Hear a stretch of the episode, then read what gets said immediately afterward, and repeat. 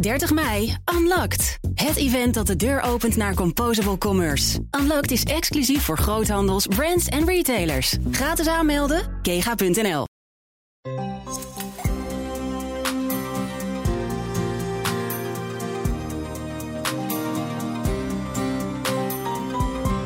Dit is de Carbon Podcast, een podcast van Nieuwsbureau Energia en Grenzeloos Journalistieke Producties. Ik ben Tijdo van der Zee en in dit seizoen richten we ons op negatieve CO2-emissies, op de vrijwillige en de gereguleerde markten. Vandaag Carbon Capture and Storage, CCS, of CO2-afvang bij energiecentrales en grote fabrieken. En vooral het biobroertje, Bioenergy CCS of BECS. Want als je CO2 opslaat bij een kolencentrale, opereer je CO2-neutraal. Doe je dat bij een biomassa-centrale, dan opereer je CO2-negatief. Zo is de gedachte. Hoe zit het echt? Daarover heb ik het straks met Marine Stabak hoofd Central Asset Management bij RWE en consultant en CCS-expert Margriet Kuiper. Straks ook aan het einde van de uitzending een blik op de CO2-koersen met Chris Guth, maar we beginnen weer met Jos Kozijnse met het laatste nieuws over de prijzen op de vrijwillige markten.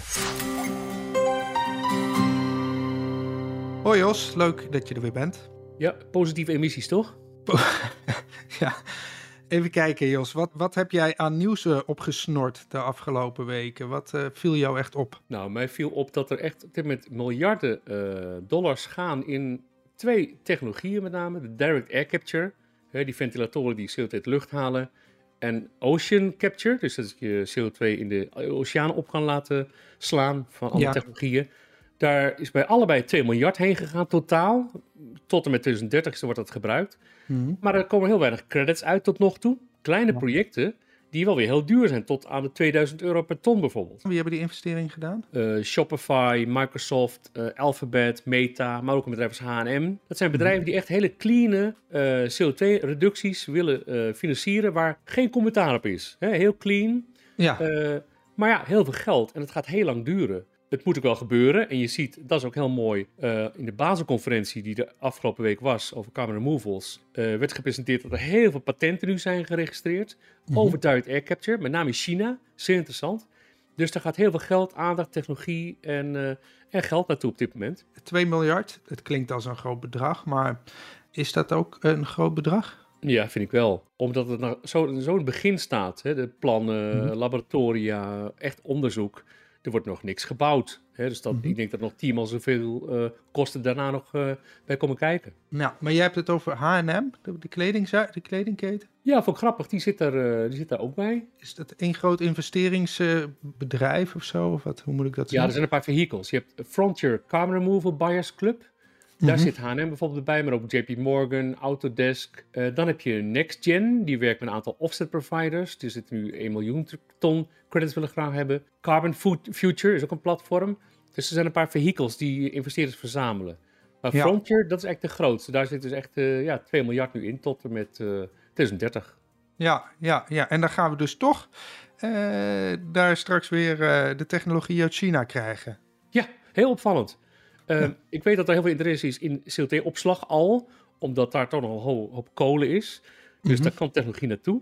Dat is ook iets wat Amerika graag wil bevorderen. Zoveel, zo min mogelijk kolenemissies daar met technologie. En dus dat ook die direct air capture technologie daar ineens uh, heel veel patent heeft opgeleverd. Dat vond ik super interessant. En als je nou kijkt naar de koersen van um, de verschillende uh, negatieve emissies, uh, welke viel jou nou op? Ja, biochar weer, die trekt langzaam aan, nu 134 euro per ton. Er komen ook steeds meer credits beschikbaar op de markt, er wordt echt in gehandeld. Mm. Er zijn ook meerdere standaarden nu, Puro en Verra, die, daar, die dat kunnen certificeren. En ook, er zijn heel veel bijkomende voordelen. Hè. Boeren kunnen ermee aan de slag, ook smallholders in India bijvoorbeeld. Je hebt je lokale afval die je kan gebruiken en het verbetert de bodem. Dus dat wordt steeds meer beschikbaar. Er zijn ook uh, internationaal veel meer bedrijven mee bezig, veel meer mensen. Dus dat wordt steeds meer een normale uh, commodity. Ja, en uh, waarom die prijs dan omhoog? Nou ja, omdat de beschikbaarheid nog niet zo heel groot is. En nou ja, dit wordt de prijs die, die wordt gevraagd. men wil daar... Ja hoge prijs voor hebben, wat ook terecht is, want dan kan je weer nieuwe eh, ontwikkelingen aanjagen. Terwijl ja. eigenlijk, dat is toch goed om te weten, de rest van de vrijwillige markt op dit moment ligt nog steeds half op zijn gat met 3 à 4 euro per ton. Zoveel discussie, hè, heel politiek. Terwijl deze biochar, direct air capture, dat zijn toch redelijk schone technologieën die een duidelijk voordeel hebben en permanent. Dus ja, daar gaat de markt toch nog steeds makkelijker mee om. Ja, dank je Jos. Volgende keer.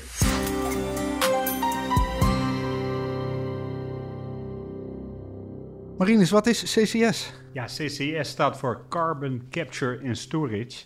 Dus dat is het afvangen van CO2 en dat ergens opslaan zodat het niet meer in de atmosfeer uh, komt. Hè? Dat is eigenlijk wat het is. Ja, is eigenlijk niet zo moeilijk, hè? Klinkt, klinkt niet zo moeilijk. Ja, dan zal ik het een beetje moeilijker maken, want het is soms een misverstand dat CCS. Mensen vragen vaak hoe duur is CCS? En dan zeg ik altijd welke vorm van CCS.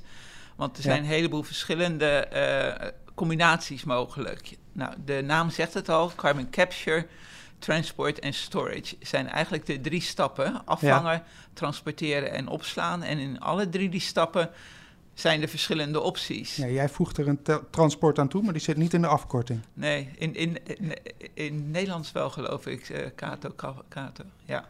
Maar goed, uh, het, het, is in feite altijd drie stappen. En het is mhm. belangrijk, want de drie stappen, je kan het op verschillende manieren afvangen. Je kan het doen na de verbranding, ja. je kan het doen voor de verbranding. Je kan met zuurstof verbranden, waardoor je ook weer een ander proces krijgt. Mm -hmm. um, de, je kan met membranen werken. Dus er zijn een heleboel verschillende manieren om de koolstof af te vangen. Er zijn verschillende manieren om te transporteren, pijpleiding. Nou, we zitten hier bij Carbon Collectors per schip. Ja. Het kan ook over het spoor of met vrachtwagens voor kleine hoeveelheden. Dus er zijn keuzes te maken bij transport. Ja, we zitten hier bij Carbon, in het kantoor van Carbon Collectors in Groningen. Dat was handig om hier af te spreken. Ja. En zij, uh, zij houden zich echt bezig met het concept CO2-vervoer per schip. Hè? Ja, klopt. klopt. Ja. Dan kan je snel opstarten vaak. Ja. En als je opslaat, kan je ook nog weer verschillende opties hebben. Je kan het in een uh, uh, zoute waterlaag doen, diep. Je kan het in een lege olie- of gasveld doen. Mhm. Maar je kan het ook afsplitsen als koolstof. En dan kan je de uh, stabiele koolstof ergens opslaan. Ja. Dus dan krijg je weer andere opties uh, met combinaties.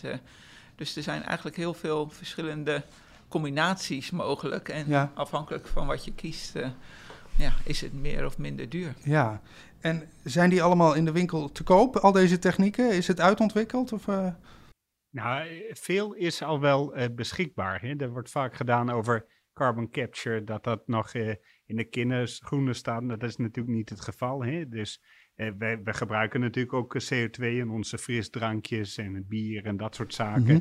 En dat gebeurt eigenlijk op dezelfde manier, wordt die CO2 ook gemaakt. Dus dat is wel helder. Als het gaat om grootschalig transport, dan beginnen we daar nu echt groots mee. Hè? De projecten in Rotterdam.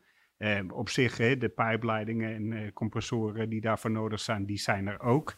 Uh, het, uh, het, injecteren bijvoorbeeld in velden is een van de opties. Dat is natuurlijk iets waar ook al veel ervaring mee is. Maar elk veld is natuurlijk ook weer anders. Dus dat zul je toch ook altijd weer opnieuw moeten beoordelen. Dus al met al, als ik de som zou moeten maken, dan denk ik dat alles er in voldoende mate is om dat grootschalig te doen. Maar dat er beslist nog veel ontwikkeld kan worden. Hmm. Ja, daar ben ik het wel mee eens. Ik denk aan de transportkant hebben ze in Amerika natuurlijk veel ervaring met pijpleidingen transport, uh, waar de CO2 in uh, olievelden wordt gepompt. Ja. Dus daar ligt duizenden kilometers pijpleidingen al tientallen jaren waar CO2 gewoon veilig door getransporteerd wordt. Um, ik denk dat aan de capture kant, daar verwachten de meeste experts nog de meeste ontwikkeling wat betreft de techniek. Ja. Er zijn bestaande technieken, uh, dat is die uh, amine technieken met name, die gewoon bewezen zijn in industriële processen. Maar als dit grootschalig toegepast gaat worden, zijn er natuurlijk een heleboel optimalisaties mogelijk. En omdat de afvangkant vaak de duurste stap is, uh, is daar nog het meeste te winnen. Dus je ziet heel veel onderzoek voor al die verschillende afvangtechnieken. Oké. Okay. Uh, Marinus, welke Jij, je werkt bij de Eemshavencentrale van RWE. Ja, onder andere. Onder andere. En jullie hebben plannen om daar CO2 af te vangen. Ja, correct. Welke techniek zou daar uh, gebruikt worden? Ja, eigenlijk, uh, kijk, met, met mijn team kijken we naar ons hele portfolio van centrales. Hè. Dus wij zetten eigenlijk bij verschillende centrales ook weer verschillende technieken in. Hè, dus als je het hebt over een gascentrale die op waterstof gaat draaien, blauwe waterstof, dat is ook een vorm van CO2-afvang. Alleen dat is dan uh, pre-combustion uh, CCS. Mm wat jij ook al zei, dat is weer een andere vorm. bij de centrale bij ons in de Eemshaven praten we echt over post-combustion. En dan heb je het over het afvangen door middel van amines. Wat je dan eigenlijk doet, alle rookgassen die gaan door een enorm wasvat. Ja. Komen in aanraking met die amines. Het CO2'tje bindt zich aan zo'n amine. En even verderop was je die amine weer los mhm. eh, van die CO2. Hou je pure CO2 over. En die amines gaan weer terug het proces in. Dus dat is eigenlijk wat we willen toepassen bij onze biomassacentrale in de ja, Eemshaven. Wat is een amine? Ja, en de amine is een, uh, ja, hoe moet ik dat, uh, Margriet, hoe moeten we dat eens even goed uitleggen? Dat is eigenlijk een verzameling van een, een C'tje, een N'tje en H'tjes, uh, wat uiteindelijk in allerlei verschillende vormen kan dat te zijn. Het is eigenlijk het, het wasmiddel voor uh, CO2. Ja. Hè? Dus uh, dat, dat is eigenlijk wat het is. Ja, en dat kan dus uh, CO2 binden, ja. maar met hetzelfde gemak weer ontbinden? niet hetzelfde gemak, je moet er warmte in stoppen. Okay. Dus je stopt er een beetje energie in om het toch weer los te weken van het, van het mm -hmm. bindmiddel. Ja. Heb jij een leukere uitleg daarvoor van wat amines zijn? Nee, niet echt. Ik weet wel dat ze meestal monoethanolamine gebruiken, MEA, maar ik weet ook dat helpt de gemiddelde luisteraar ook niet. Uh... Klinkt, amine klinkt een beetje eiwitachtig, maar dat is het dus, het zijn geen eiwitten. Ja, nou ja, er zijn een heleboel verschillende soorten amines, oh, okay. uh, dus uh, daar wordt ook nog mee geëxperimenteerd, ja. zo gezegd, maar ja, het is, het is in feite, ja, zoals Marine het uitlegt, het uh, absorbeert ja. de CO2 en, daar, en die haal je er later weer uit. Ja, uh, en dan krijg je een, ja, hoe moet ik, het is niet dat je een, een apparaat bovenop de pijp zet, het is wel echt gewoon een hele grote extra installatie naast de centrale? Ja, het is echt een enorme installatie. Ik denk vooral... Uh, je moet je voorstellen, die distillatiekolommen, laten we het zo maar noemen. Ja. Uh, onze schoorsteenpijp is een joekel van een ding, 120 meter hoog, flinke diameter. Deze uh, absorbers, hè, deze scrubbers, die worden, daar heb je vier stuks van nodig. Die zijn net zo groot als de schoorsteen en hebben een diameter van 17 meter. Dus enorme vaten. Ja. Alleen dat, dat is ook hetgene wat er is. Daarna hè, heb je dat hele wasproces. Ja. ja. dat is allemaal laag bij de grond en mm eh, eh, pompen en eh, warmtewisselaars, et cetera. Dus dat, eh, dat valt relatief mee. Maar vooral die, die scrubbers, dat is het echt een goede woord, ik zwart er even om, dat, dat zijn grote apparaten. Ja, ja. ja. oké. Ehm, kan je al CO2 bij de pijp wegvangen of, of gaat er ook nog wat verloren? Of niet, ik bedoel niet verloren, maar gewoon langs die amines heen ja. Eh, toch de lucht Ja, zeker. Dus, uh, je, je vangt dus nooit 100% uh, af. He, dus dat is niet het uh, geval. Je haalt wel 90 plus, zeg maar. He, dus mm dat is ontzettend goed. He. Ja. Als je kijkt naar andere installaties die we hebben toegepast om rookgas te reinigen.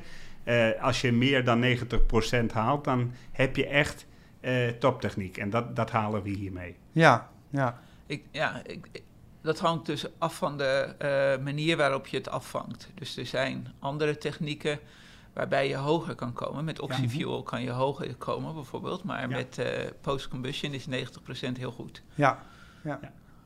Oké. En om hoeveel CO2 gaat het uh, bij de Eemscentrale? Ja, die ene centrale hier in de Eemshaven, dan praat je tussen de 8 tot 10 miljoen ton. En dat is echt per enorm. Jaar. Per jaar. Mm -hmm. dus dat is het interessante is, dat is ook ongeveer, eh, als we onze berekeningen maken in Nederland van eh, hoe, hoe het gaat richting 2030. Hè, dus we hebben dat target van 55% reductie, uh, 60% reductie wordt ook wel eens genoemd. Dan hebben wij met alle dingen die we nu toepassen, laten klimaat- en energieverkenning zien, dat je tussen de 12 en 36 miljoen ton tekort komt aan maatregelen. Mm dus 10 miljoen ton is een enorme uh, winst, hè, om dat, dat gat tussen nou, onze ambitie en wat we echt realiseren echt waar te maken, op te lossen. Ja, ja, dus met één centrale zit je al op twee derde. Ja, precies. Ja. ja. Um, CCS, ja, het heeft een lange geschiedenis al in Nederland, maar toch nog weinig concrete projecten. Maar, Margriet, uh, het gasveld K12B, ja. 150 meter, kilometer uit de kust uh, ter hoogte van Amsterdam. Uh, daar wordt al sinds 2004 koolstofdioxide in een leeg gasveld uh, uh, gepompt. Is die techniek vergelijkbaar met CCS zoals we het willen toepassen in Nederland de komende tijd? vergelijkbaar. denk ik, is het goede woord. het is in feite de CO2 die samen met het aardgas geproduceerd wordt. In het aardgas zat 13% CO2.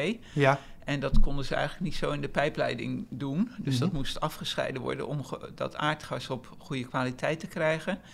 En dat ging eigenlijk altijd de lucht in. In 2004 hebben ze dus besloten om het af te vangen met zo'n proces. Uh, en dan meteen weer te herinjecteren in hetzelfde veld. Mm en dat hebben ze 14 jaar gedaan om te kijken van hoe dat werkte en of dat allemaal werkte en, en hoe snel dat CO2 van de injectieput naar de productieputten zou gaan. En uh, in 2018 zijn ze ermee gestopt. Want het veldje produceert nu nog heel weinig. En ja. uh, nu kan in feite het gas gewoon in de pijpleiding. Omdat het zo weinig is, uh, heeft het weinig impact op de mhm. kwaliteit van de hoeveelheid gas die naar het land gaat. Ja, maar dit is dan dus CO2 die vrijkomt bij de gasproductie. Ja. Maar is dat wel een leer, uh, hebben we daar wel wat van geleerd? Ja, volgens mij zeker. Zeker. Uh, ten eerste natuurlijk uh, ook superbelangrijk de injectie zelf uh, en de monitoring van hoe snel bouwt de druk op in zo'n veld, mm -hmm. in zo'n injectieput, maar ook met name, uh, ze hebben er, ik dacht ook tracers op een gegeven moment in het begin mee geïnjecteerd, waardoor je heel duidelijk kan zien wanneer dat bij de andere put komt. Dus dan begrijp je veel beter hoe de verspreiding in het reservoir is. En dat is een van de belangrijke dingen die je moet berekenen op het moment dat je een CO2-opslagproject plant. Is dat, wat is dat radioactieve CO2 of zo? Nou, niet, niet radioactief, maar gewoon iets wat je heel duidelijk op kan pikken zodra ah, het in hele lage... Want er zat natuurlijk al CO2 in het veld. Dus als je CO2 gaat injecteren, is het heel moeilijk te zeggen wanneer die CO2 van de injectie bij de productieput ja. komt. Ja, dus als je er dan wat anders in stopt, wat er nog niet in zat, dan kan je dat uh, makkelijker oppakken. Ja, maar we zijn daar dus al wel uh, bijna twintig jaar uh, mee bezig. Maar grootschalig is het niet geworden. We hebben Barendrecht gehad.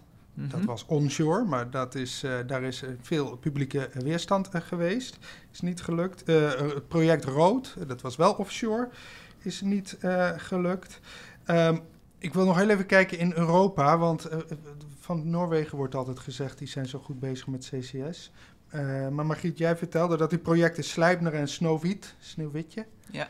dat dat ook eigenlijk niet de CCS-projecten zijn zoals wij ze voorstellen. Dat het hetzelfde is met dat gas, dus waar CO2 bij vrijkomt. Ja, klopt. Dat is ook gewoon gas met een hoog percentage CO2 en dat wordt afgevangen dus we hoeven daar niet als, als groot voorbeeld naar Nou ja, wel wat betreft de duurzaamheid van de opslag en, en de technische haalbaarheid van mhm. transport, compressie, opslag. Dat is allemaal precies hetzelfde natuurlijk. Maar je vangt het inderdaad niet af van een verbrandingsproces of van een vergassingsproces of uh, een oxyfuelproces. Dus het, zijn, uh, het is niet nuttig gebruikt gas wat omgezet wordt in energie, waarbij dan CO2 vrijkomt. Dat is uiteindelijk het doel natuurlijk, dat mhm. je die fossiele brandstoffen op een nuttige manier nog steeds de energie van kan gebruiken, of de biobrandstoffen. Dus het Groninger gas heeft dat eigenlijk niet, die CO2? Nee. Dus dat is eigenlijk uh, beter dan het gas uit Noorwegen. Nou ja, uiteindelijk is als je het. Tenminste, is, als je het niet zou, zou injecteren daar uit, uiteindelijk, als je het niet zou injecteren, zou het Noorse gas een hoge CO2-footprint hebben, inderdaad. Ja. ja. Um, even een stukje beleid. We hebben onlangs uh, vanuit Europa de Net Zero Industry Act gepresenteerd gekregen. Een stuk uh, industriepolitiek. Met daarin een aantal duurzame technologieën die we zelf moeten gaan ontwikkelen. En niet uit handen geven aan Amerika en China. Eh, CCS staat in het rijtje genoemd tussen zeven andere technologieën zoals warmtepompen, batterijen en zonnepanelen. Uh, daarin staat ook de verplichting voor olie- en gasbedrijven om in 2030 voor tenminste 50 megaton aan uh, lege gasvelden geschikt te hebben gemaakt voor CO2-opslag. Wat betekent geschikt maken, Margriet? Uh, ja, dat is een hele goede vraag. Uh, daar proberen we op dit moment achter te komen wat ze daar precies mee bedoelden. Mm -hmm. um, je kan je voorstellen dat een CO2-opslagproject voorbereiden, dat dat ja, een gefaseerd proces is waarbij je begint met een verkenning van de putten, het reservoir, het platform, is het geschikt, mm -hmm. kan ik het gebruiken? Nou ja, zo ja ga je de volgende stap doen, een voorlopig ontwerp maken, vergunningen aanvragen, indienen, impact assessments doen. HSE-studies, Health, Safety, Environment, et cetera. Je, eh, op een gegeven moment kom je dan bij FID en dan ga je spullen bestellen en bouwen. Ja. Uh, en dan op een gegeven moment ben je klaar en zeg je van kom maar brengen die moleculen. Ja, ja. Nou, hoe ver moet je zijn mhm. om te kunnen claimen als producent dat je een bepaalde opslagcapaciteit beschikbaar hebt? Dat is niet helemaal duidelijk uit de tekst. Uh, het is een heel kort artikel heel kort eigenlijk. Stukje, ja. Uh, dus, dus daar probeert men op dit moment uh, invulling aan te geven. En iedereen gaat daar commentaar op geven. En er zal ongetwijfeld een verdiepingsslag komen. Ja. En die 50 megaton marines, denk je dat dat een mooi getal is om mee te beginnen? Ja, goed. al het begin is mooi. ik denk dat het relatief een klein getal is. Mm dus als je dat op Europese schaal bekijkt, dan het is een eerste voorzichtige stap. Nou ja, dat is alleen maar toe te juichen. Maar 50 megaton stelt op de schaal der dingen natuurlijk niet heel veel voor. Nee. Nee, het is ongeveer 2 à 3 procent van de fossiele emissies. Uh, 3, pro, uh, uh, 3 procent als de emissies met 55 procent naar beneden gaan en 2 procent als ze niet zo snel hard naar beneden gaan. Dus dat is inderdaad eigenlijk niet genoeg. Maar het is zonder Noorwegen en zonder Engeland natuurlijk. Dus in die zin is het ja, er zal ook nog wat opgeslagen worden door Nederlandse bedrijven buiten die uh, Europese landen. Dus. Mm We hebben een beetje CCS nou in kaart gebracht. Ik wil dan nou nu naar uh, BEXT. Yes. Um, dat, um, daar, is, daar zijn ook doelstellingen voor uh, neergezet. Vijf megaton per jaar. Uh, wil de Europese Unie uh, bewerkstelligen in 2030. Ja. ja. Uh, Marinus, um, is dat een, uh, is dat een mooi getalletje? Ja, dat, dat vind ik dus. Uh, kijk, eh, je moet niet denken dat ik heel negatief was over die 50 miljoen ton. Maar ik denk gewoon in de schaal der dingen. Ja, moet je realiseren dat waarschijnlijk heb je nog veel meer nodig, ook al tegen die tijd.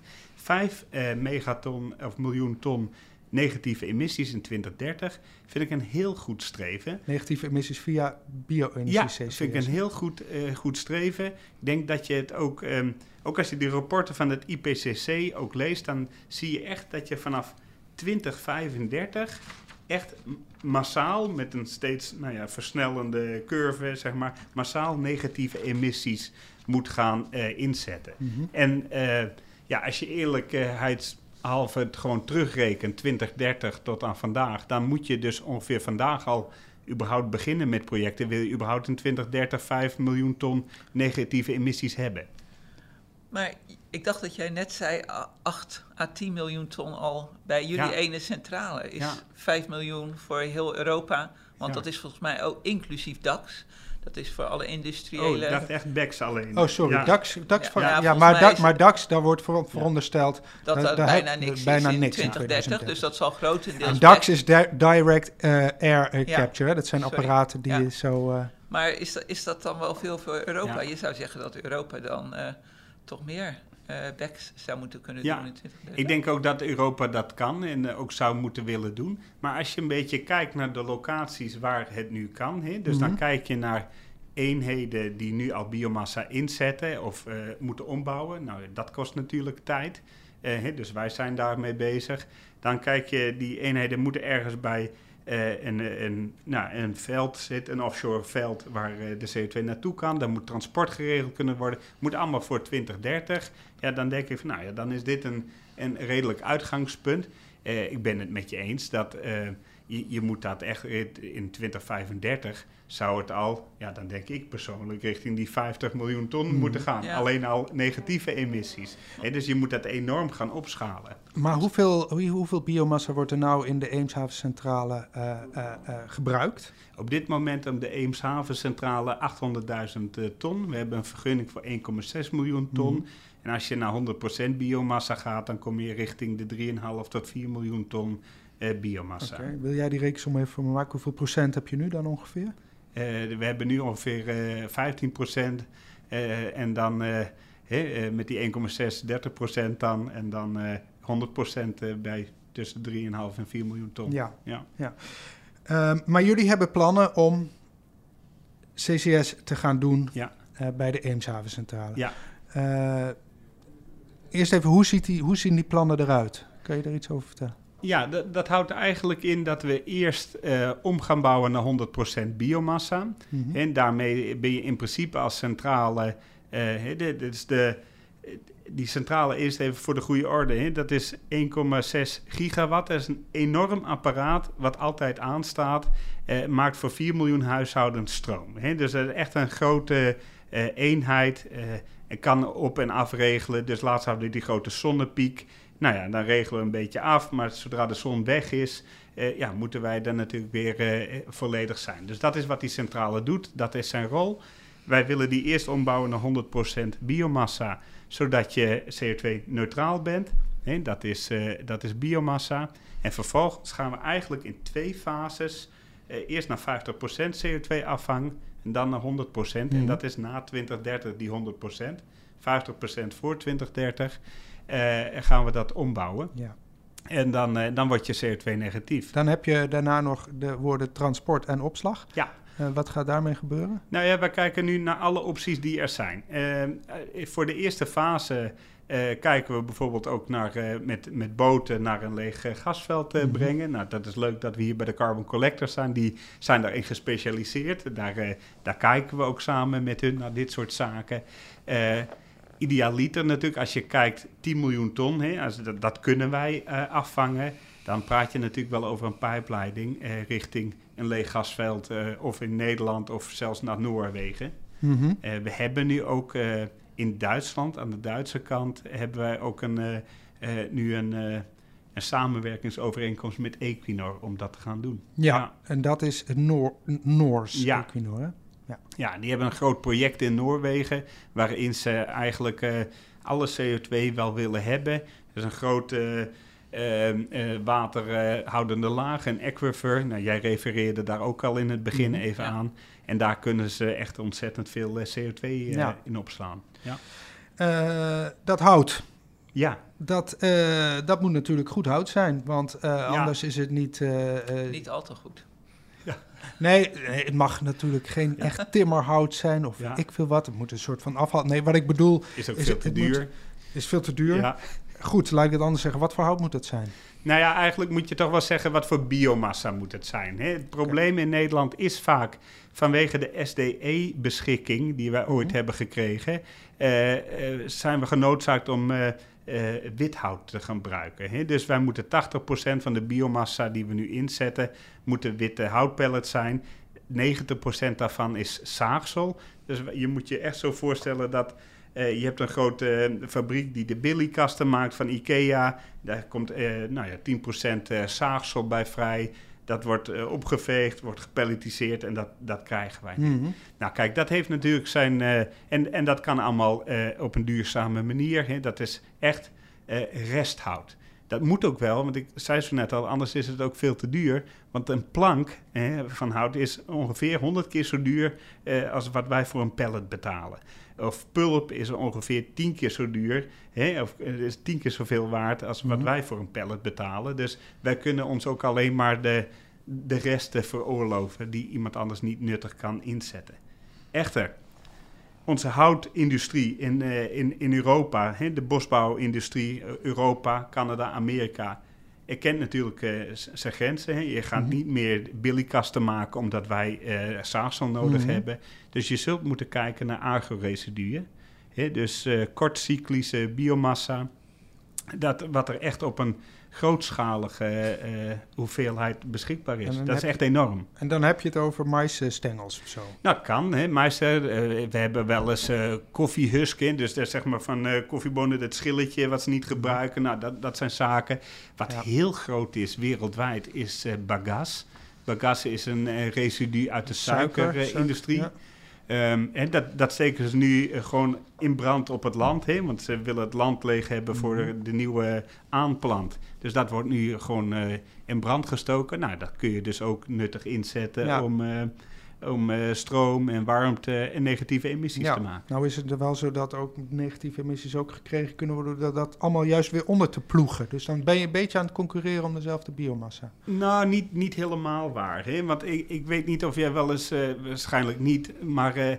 Uh, de, dat krijg ik wel meer te horen van dat moeten ze omploegen, maar dan heb je mhm. geen idee wat daar op dat land ligt. Dan moet je wel een meter diep ploegen om dat onder het land te krijgen. Dat is, dat is niet te doen. Okay. Uh, waar, waar ik wel denk, hè, wij kijken ook naar zaken als uh, Nou, een heel leuk voorbeeld wat Margriet noemde is... als je pyrolyse hebt, dan kun je vaste uh, koolstof weer terugkrijgen. Dat, dat kun je natuurlijk wel weer inbrengen. Mhm. dat, dat is wel een goede manier om dat op die manier te doen. Ja. ja.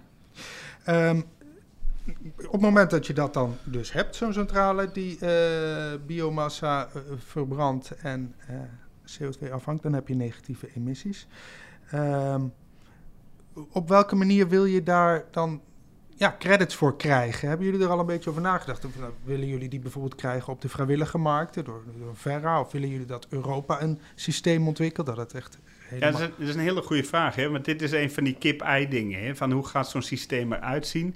Ik denk dat je er als Europa echt over na moet nou niet alleen als Europa, als wereld over na moet denken van hoe gaan we dit waarderen. dus de, ook de, de, de boer in Afrika die iets uh, onder de grond brengt, nou hoe krijgt die zijn credit en hoe krijgen wij de credit? Mm ik geloof dat is artikel 6, he, de, de, moeten ze nog verder invulling aan geven hoe ze dat doen. Ik denk ook de vrijwillige markt is heel boeiend. Hè? Als ik kijk wat bedrijven als Microsoft nu al betalen voor een negatieve emissiecredit, mm is dat echt enorm. Ja. Dus, dus dat heeft ook toont wel aan wat voor waarde het heeft. Maar ja, wil je het echt versnellen, dan denk ik, dan moet je het koppelen aan ons huidige ETS-systeem. Dan ga, heb je meteen, bam, ga je er uh, vol in. Ja, wat, zijn de voordelen voor vrijwillige markt of een markt die gecreëerd is door Europa? Ik denk dat het meteen groter is. Kijk, wij praten natuurlijk over een heel groot volume, 10 mhm. miljoen ton. Uh, kijk, als je dat verbindt aan het ETS, dan heb je meteen ook dat volume daar. Hè? Dus mhm. bij elke markt is het altijd van belang van hoe, uh, ja, hoe, hoe, groot is die markt? Kun je er überhaupt op handelen? En als je een paar, uh, en, en, als dat klein start met vrijwillig en dat, dat moet tot wasdom komen, dan kan dat wel eens tien jaar duren voordat die markt groot genoeg is. Ja, ik, een heleboel landen zijn hierover aan het nadenken op dit moment. En wat je veel ziet, uh, ook hoort pleidooien van NGO's, is om het, de negatieve emissies tot een maximaal percentage te beperken. Meestal ergens tussen de 10 en 20 procent maximaal. Dus dan zou je voor ETS, die moet op netto nul zijn, geloof ik, eind 2039, 40 of zo. Dan moet je op nul zijn. Nou, niet alle industrie zal op nul zitten, dus sommige zullen negatieve emissies moeten mhm. kopen. En dat moeten dan formele compliance credits zijn. Dat kan niet op een vrijwillige uh, marktbasis gedaan worden. Uh, tenzij je die upgrade naar toelater op ETS. Nou, dat is dan hetzelfde effect natuurlijk. Uh, dus je zou kunnen zeggen van dat, dat je nou, tot maximaal zoveel een bepaald percentage mag gebruiken van negatieve emissies. Als je als industrie je emissies nog niet echt naar nul, echt naar nul kan krijgen. Maar als jullie die negatieve emissies al hebben en Europa heeft dat uh, certificeringstraject en dat hele uh, stelsel nog niet opgezet, dan ga je het waarschijnlijk verhandelen dan op de vrijwillige markt, denk ik. Of, of zeg je van nou, we sparen ze wel even op tot. Weet je eigenlijk niet hoe dat. nou ja, kijk, eigenlijk is het nog eenvoudiger. als. als er geen business case is, wordt het natuurlijk nooit gerealiseerd. Nee. dus je hebt een markt nodig. Dus ofwel een, een hele grote, uh, robuuste vrijwillige markt, hè, uh, of inderdaad die koppeling. En als beide er niet zijn, dan gaat dit ook nooit gebeuren. Hmm. Hè? Dus zo simpel is het dan ook weer, helaas. Ja. Uh, we hebben het nou het gehad een beetje over één installatie waar je dan gaat uh, afvangen. Maar Margriet, jij pleit ervoor om CCS iets breder te beschouwen. Je nou, met name biomassa en CCS. Biomassa, je noemt, het, je noemt het biomass carbon removal storage. Ja, biomass in carbon removal. ICRS. Ja. ja. Wat is dat? Nou, eigenlijk een beetje net zoals het uh, beginverhaal dat CCS een, een, heleboel verschillende technologieën onder zich heeft eigenlijk. Zowel aan de afvang, transport als opslagkant. Mm -hmm. Heb je ook biomassa en CCS. Dus eigenlijk biomassa gebruiken om de CO2 uit de atmosfeer te halen. Mhm. En dan ga je het verwerken. En dan zorg je dat die CO2 zo definitief mogelijk wordt vastgelegd. En daar zijn een heleboel verschillende manieren om dat te doen. Uh, er zal biomassa gegroeid worden, verbouwd worden ook voor chemicaliën, uh, voor, voor warmte, voor fuels, voor verbranding vergassing, vergisting, pyrolyse, torrefactie. Nou, er zijn allerlei processen mogelijk. Mhm. En bij al die processen kan je meestal CO2 of koolstof afvangen en dat zou je dan permanent kunnen opslaan. Ehm, en, en je kan natuurlijk gewoon inderdaad hout verbouwen en houtbouw uh, als je echt uh, ja, soort, uh, sommige houtconstructies, niet de billikast waarschijnlijk, maar de, sommige houtconstructies die zijn redelijk permanent. Dus daar mhm. zou je ook een bepaalde waarde aan kunnen geven. Dus ik, ik pleit... Is dat dan voor dat dat allemaal virtueel gekoppeld wordt of moet dat dan echt daadwerkelijk ook nou, op één site zo ik samen... Pleit, mensen zeggen vaak van je moet geen bomen verbranden voor, om dat backs te doen. Mm en nou, zoals Marines goed heeft uitgelegd, uh, dat is, zijn de afvalproducten van de bomen, zo mhm. gezegd, die voor hele andere reden vaak met, met, met koolstofopslag worden gebruikt. Ja, uh, maar, de billies. Uh, ja, precies. variaties van billies. maar er zijn een heleboel andere manieren om biomassa te gebruiken. En als je kijkt naar de koolstofstromen, de biomassa-koolstofstromen, die we nu al gebruiken voor energie wereldwijd, als je daar alleen al de CO2 zou afvangen, dan heb je al enorm veel CO2 afgevangen. Want er wordt al heel veel biomassa gebruikt. Het is de grootste duurzame energiebron, ook nog steeds in Nederland mhm. en in Europa, geloof ik. Dus als, als je dat gebruik, uh, het principe hanteert, wat de UK Climate Change Commissie ook heeft gezegd, van als je biomassa gebruikt voor energie, gebruik het dan met CCS, met koolstofopslag. Dat principe zou een heel belangrijk principe moeten zijn. Want dan heb je die twee dingen die samen uh, een enorme bijdrage geven aan alle energiesystemen. En dat is energiewinning en koolstofverwijdering. En maar is dat dan afvangen op heel veel uh, kleine puntbronnen? Dat kan op kleine puntbronnen zijn, maar dat kan ook zijn door dat te verzamelen en het op een centrale plek te doen natuurlijk. Als je weet dat die CO2 of die koolstof een waarde heeft onder een negatief creditsysteem, uh, dan ga je eerder je fabriek op een plaats neerzetten die dicht bij een CO2-leiding mhm. ligt. Als dat je het enige wat je verteld wordt, je mag het in de lucht gooien, want het telt toch niet mee. Het is biomassa. Ja, dan zet je het gewoon zo dicht mogelijk bij uh, waar je de oogst doet natuurlijk. Ja. Misschien wel een leuk voorbeeld uh, van dit is, we hebben een project dat heet Vurek en daar vergassen we eigenlijk uh, afval in wat niet gaan worden gerecycled. En ongeveer 50% van die afvalstroom is uh, ja, biogeen, he, heeft uh, biomassa als, als origine. En in die vergassing dan hebben we prachtige producten om weer nou, nieuwe chemicaliën van te maken. Waterstof, CO, etc. Maar ook een hele pure stroom aan CO2. Als je die CO2, die heel puur is in dat proces, gewoon opvangt uh, en bijvoorbeeld uh, naar een leeg gasveld brengt, dan heb je dus ook alweer negatieve emissies. Hè? Dus de fossiele emissies heb je voorkomen en het deel biogene emissie, hè, die groene CO2, heb je dan ook maar weer uh, meegenomen. Er zijn, er zijn, economische analyses gedaan van al die verschillende processen in verschillende toekomstscenario's, mm waarbij gesteld wordt eigenlijk dat voor veel van die processen de inkomstenstroom uit negatieve emissies uh, soms groter is dan die van energie- of warmteproducten hè, of fuels. Uh, dus dat kan een enorme waarde hebben in de toekomst, die inkomstenstroom. Ja, oké. Okay. Um, Marinus, hoeveel ton denk je dat we afvangen met BEX in 2030 in Europa? Nou ja, kijk, als het aan ons ligt, uh, wij willen in ieder geval daar tussen de 10 en 15 miljoen ton aan bijdragen. Dus dat is de centrale in de Eemshaven en de centrale in Geertruidenberg. Dus dan zou het voor het eerst zijn dat een doelstelling van de overheid gewoon keer 300% uh, wordt waargemaakt. Ja. Kijk, en daar gaan wij voor. land. Ja, ja. ja. nog eens. Ja, en Zweden en Finland hebben ook al plannen. Hè? Ja, uh, klopt. Voor, voor Denemarken. Denemarken. Ja. Dus uh, ik denk dat dat uh, ja. echt meer dan 5 miljoen zou moeten worden. Ja. dus daar kunnen we wel wat van verwachten. Zet er even een getalletje op. Zet er even een getalletje op. Dan gaan we optellen straks aan het eind van het seizoen. Nou, ik, ik denk dat, dat je wel in de buurt van de 30 zou moeten kunnen komen. Ja, ja.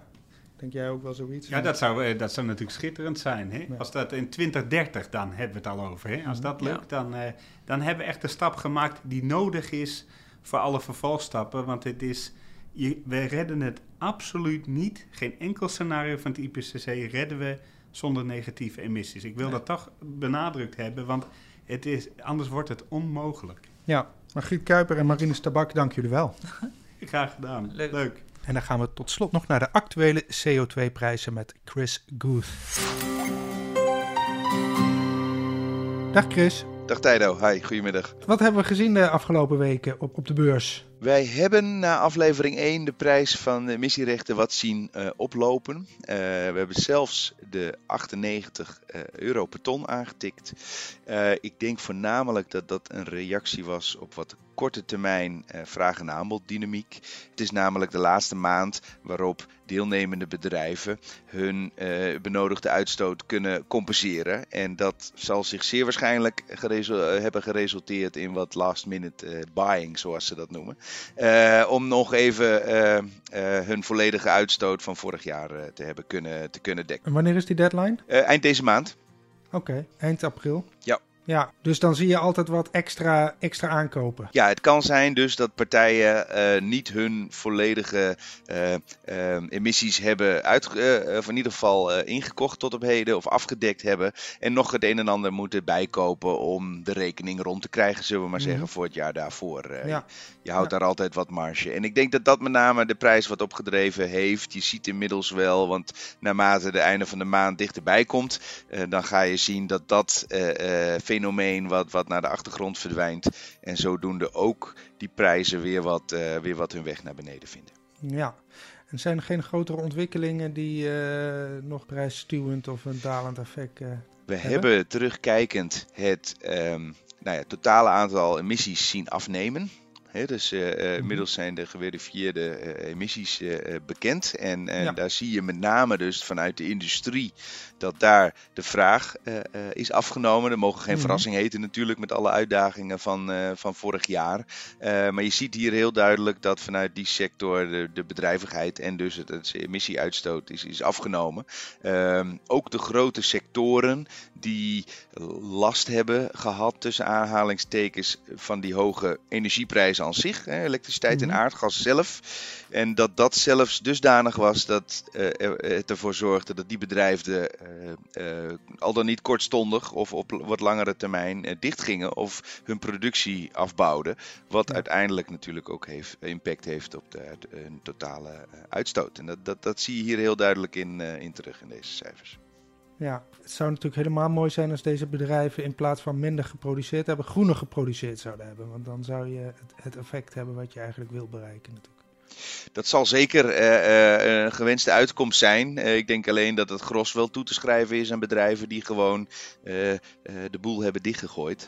want de besparing is wel dusdanig dat dat niet alleen maar toe te schrijven is aan, aan, aan, aan, duurzamere productiemethodes, vermoed ik. Wat zijn nu de vooruitzichten voor de industrie om ook vooruit te kijken qua prijs? ja, de toekomstindicatoren op dat vlak die, die duiden nou niet op een robuust herstel. Het economisch beeld is een beetje ook voornamelijk vanuit de, vanuit de industrie. Ehm, dus daar verwachten we geen felle opleving en dus sterke opwaartse uh, prijsdruk. Ehm, vorige keer heb ik al benoemd dat dus uh, de, de gascentrales um, lucratiever zijn geworden op de korte termijn ten opzichte van kolen. Wat de vraag mhm. naar emissierechten doet, doet afnemen, omdat die minder uh, uitstoot met zich meebrengen. En daarnaast zien we toch ook wel steeds vaker prominent voorbeeld de afgelopen weken is dat we op een aantal momenten in de dag in Nederland het zelfs ook zonder gascentrales zouden kunnen. Omdat het optelsommetje van wind en zon eh, toereikend is om dan op dat moment voor een uur of een paar uur aan de vraag uh, van elektriciteit te voldoen. En dus ja. uit waren geen uh, uh, emissies. Dus ook de, de, elektriciteitsproductie vanuit aardgas heeft natuurlijk concurrentie, in positieve zin concurrentie ondervonden van de, de toename van duurzame opwek. Wat natuurlijk emissievrij is en waar de vraag naar emissierechten zeker niet door toeneemt en juist nee. tegenovergesteld. Dus voorlopig uh, weer die 100 euro blijft uit zicht. Ik uh, zit wel op die lijn. Uh, ik denk dat de 100 wat ver gegrepen is op dit moment. En als ik puur kijk naar de wat langere termijn de prijsdrijvers en waar ik net al een aantal van genoemd mm -hmm. heb, dan denk ik dat dat, dat, dat 90, 80 wel, wel een goed eikpunt is voor de, ja. voor de komende tijd. Dankjewel. Jij ook, Tijdo. Tot de volgende keer. Hoi. Dank voor het luisteren naar deze aflevering. In de volgende aflevering, 10 mei online gaan we het hebben over bossen. Daarin wordt nu natuurlijk al een heleboel CO2 opgeslagen, maar we kunnen er misschien nog wel veel meer mee om CO2 uit de lucht te halen. Mis de aflevering niet en abonneer je dus op de Ene Gaia Carbon Podcast in je favoriete podcast